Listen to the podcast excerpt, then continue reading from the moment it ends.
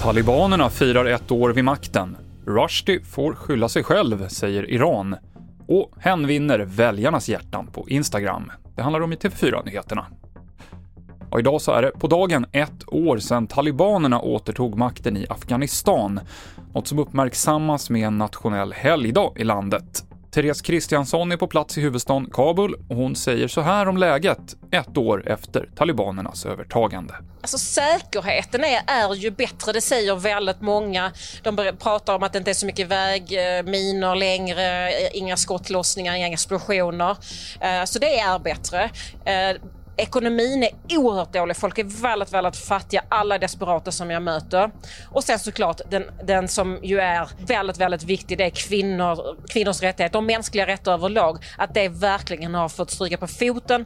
Kvinnor har fortfarande inte rätt att, gå, att utbilda sig om de är över 12 år. Och många andra restriktioner som har införts för just kvinnor. Berättade vår utsända i Afghanistan, Therese Kristiansson. Irans regering nekar till inblandning i knivattacken mot författaren Salman Rushdie. En talesperson säger i ett uttalande att det är Rushdie själv som ska klandras för attacken.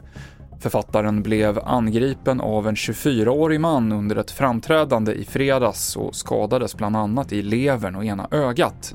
1989 så uttalade Irans dåvarande andlige ledare en dödsdom mot Salman Rushdie på grund av romanen Satans verserna.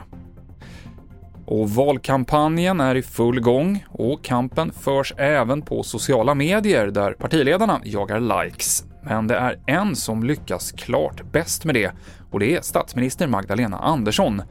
Något som förbryllar journalisten och experten Emanuel Karlsten. För själva bilderna sticker inte ut. Det är den här typen av bilder. Magdalena Andersson är i skogen och plockar blåbär. Magdalena Andersson är i skogen och trär smultron på strå. Magdalena Andersson är i skogen och trär en korv på pinne. Över 40 000 på den. 40 000, ja. det är alltså nästan ett, ett tre mer. Vad är det som gör? Kan ni förklara? Jag vet inte. Eh, det är liksom inget så jätteexceptionellt med bilderna. Det är verkligen inte. Men det, ja. men det är ju någonting, eh, hon har ett tilltal här som, som, som lyckas och som går, går hem antar jag. Ja, så lät det i Nyhetsmorgon i morse och du kan se fler bilder på partiledare som äter korv och glass och gör annat folkligt på tv4.se. I studion nu, Mikael Klintevall.